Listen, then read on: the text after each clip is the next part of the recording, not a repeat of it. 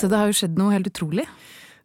det, det har det. Um, fordi altså Hvis vi skal ikke tulle så mye, da, så er jo ikke altså Dusten er jo ikke verdens Eller det er ikke Norges største podkast engang. Nei.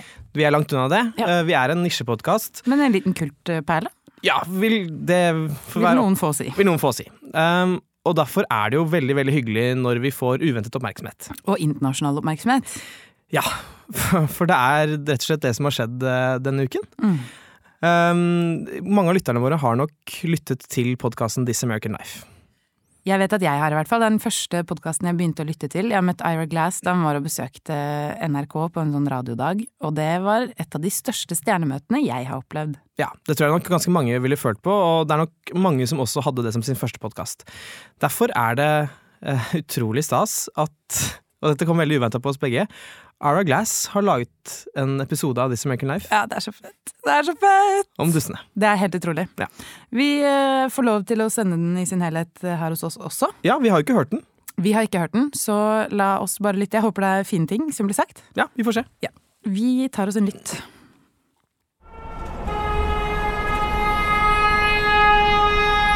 Dustin? Du- Dustin. Du- Dust Dustin. Yeah, that's it. Yeah, yeah, yeah, that's it. Man, what the what the hell kind of word is that? Sounds like a stripper. We recently went to the streets of New York to ask people to pronounce the word of the podcast we'll be talking about today. It did not go well. But we're getting ahead of ourselves. For WBEZ Chicago, it's This American Life, distributed by Public Radio International. I'm Ira Glass. Each week, of course, we pick a theme and bring brand new stories on that theme. This week's theme, a Norwegian podcast, and the comic genius that makes it so great.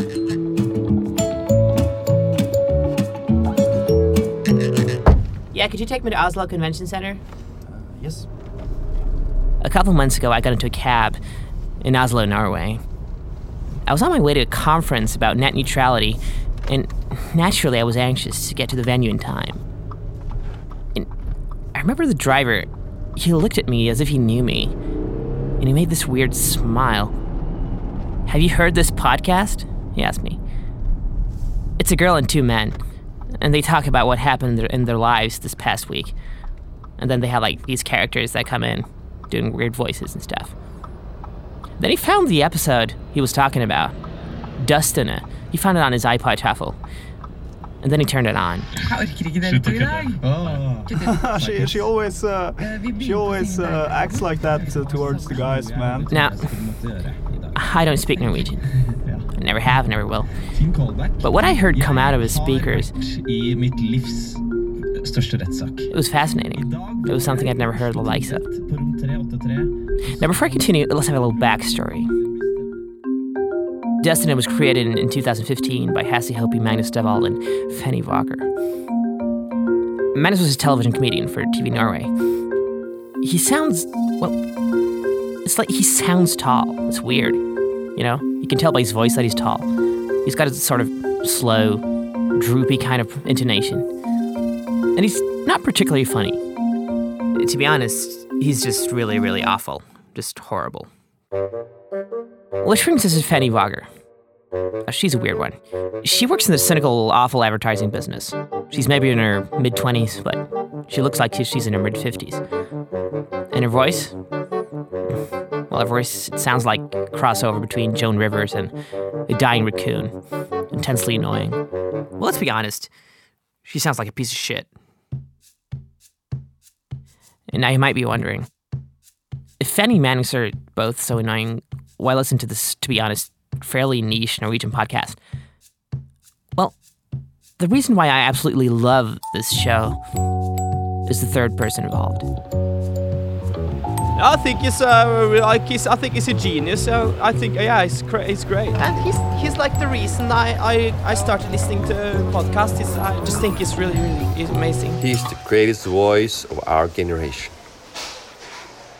Now, to the younger listeners, you might not remember such radio voices as Tom Brokaw or Lou Adler. But this guy, whose name we'll get to in a second, this guy has an audible charisma, the likes of which I've never encountered. And, well, I've worked in radio for the past 25 years. When this guy talks, you're simply drawn to the speakers. You need to hear what this guy has to say. It's kind of staggering, actually. His name is Hassie Hope. Hassie Hope is probably the most underrated podcast voice in uh, in Norway, if uh, if not in in all of the Nordic countries. That's Swedish podcast professor Hans Gustafsson. Here he is again. Well, it's not easy to put a finger on it, but but he, he- is simply so much more talented than uh, the two others in the podcast that uh, it creates a very uh, interesting effect. What Hans is referring to here is called the comparison bias. A term coined in the early 60s, it refers to how talented people, when working together with substantially less talented people, appear to be superhuman. This is the case of Hassie Hope. I'm not a big fan of the podcast, but Hasse is, uh, uh, how do you say it in English? Uh, uh, well, well, we have a Norwegian word for it. His, his uh, legendarismo. That was the voice of famed Norwegian entertainer Einar Tørnquist. We met her in Kaffebrenneriet in Torshov, Oslo. The Norwegian word he just used, legendarisimo, means legendary in Norwegian. Yeah, I think it's really funny to think about the fact that both I and Hasse have mustaches. Uh, but but he's still way way way more talented than me. So yeah, it's weird because we both have mustaches, you know. Now, you might be wondering just how big the difference could be between Mr. Hopi and his two co hosts. Well, have a listen to this first episode of Dustina from way back in April 2015. Det er fire år siden vi slutta på Westerdals.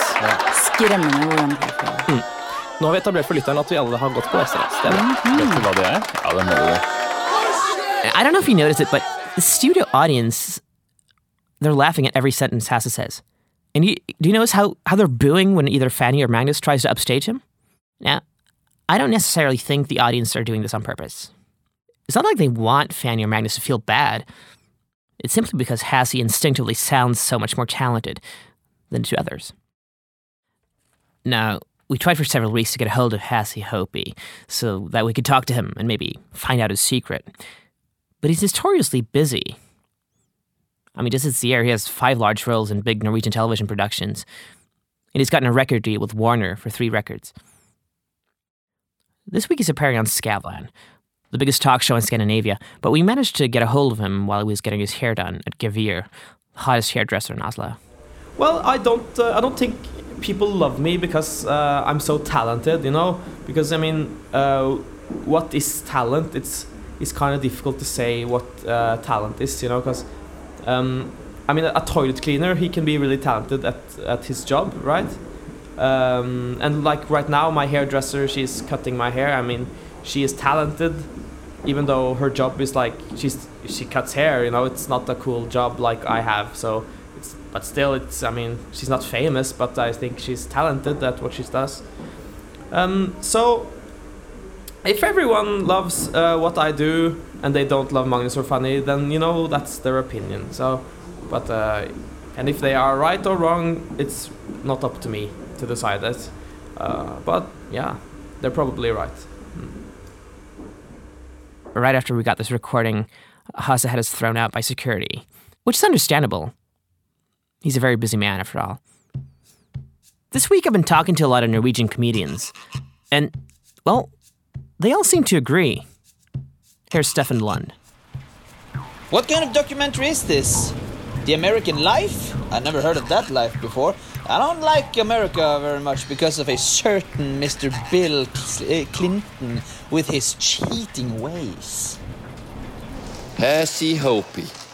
That's comedian Martin Ram. Well, he is sort of like the Norwegian Elon Musk. Except Elon Musk isn't funny. And Hassie Hopi hasn't sent rockets to Mars. Oh, oh my god! A, bana- a banana peel! I, I slipped on the banana peel. No, you should have seen that because that was. He's got a point. There is some Elon Musk in Hassie. After all, Elon is a self made man. He did everything working alone. But historically, that's not the norm.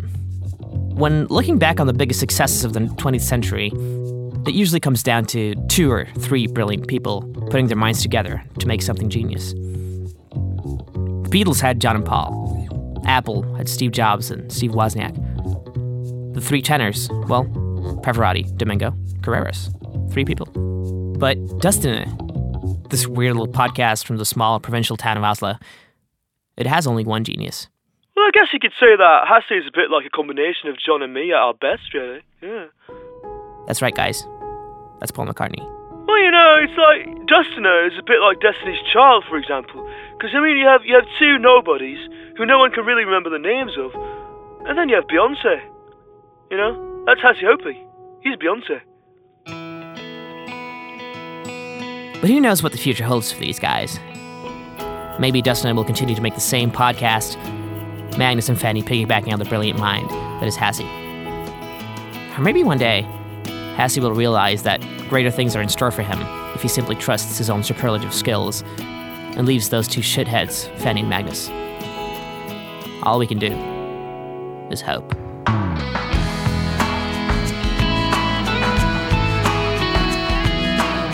Today's show is produced by Snit Anderson. Our senior producer is Eskil Fogg. Special thanks to Einar Tørnquist, Martin Ram, and Paul McCartney. This American Life is delivered to public radio stations by PRX, the Public Radio Exchange. I'm Ira Glass. Back next week with more stories from This American Life.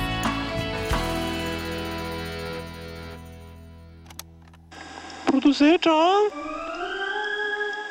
Oder?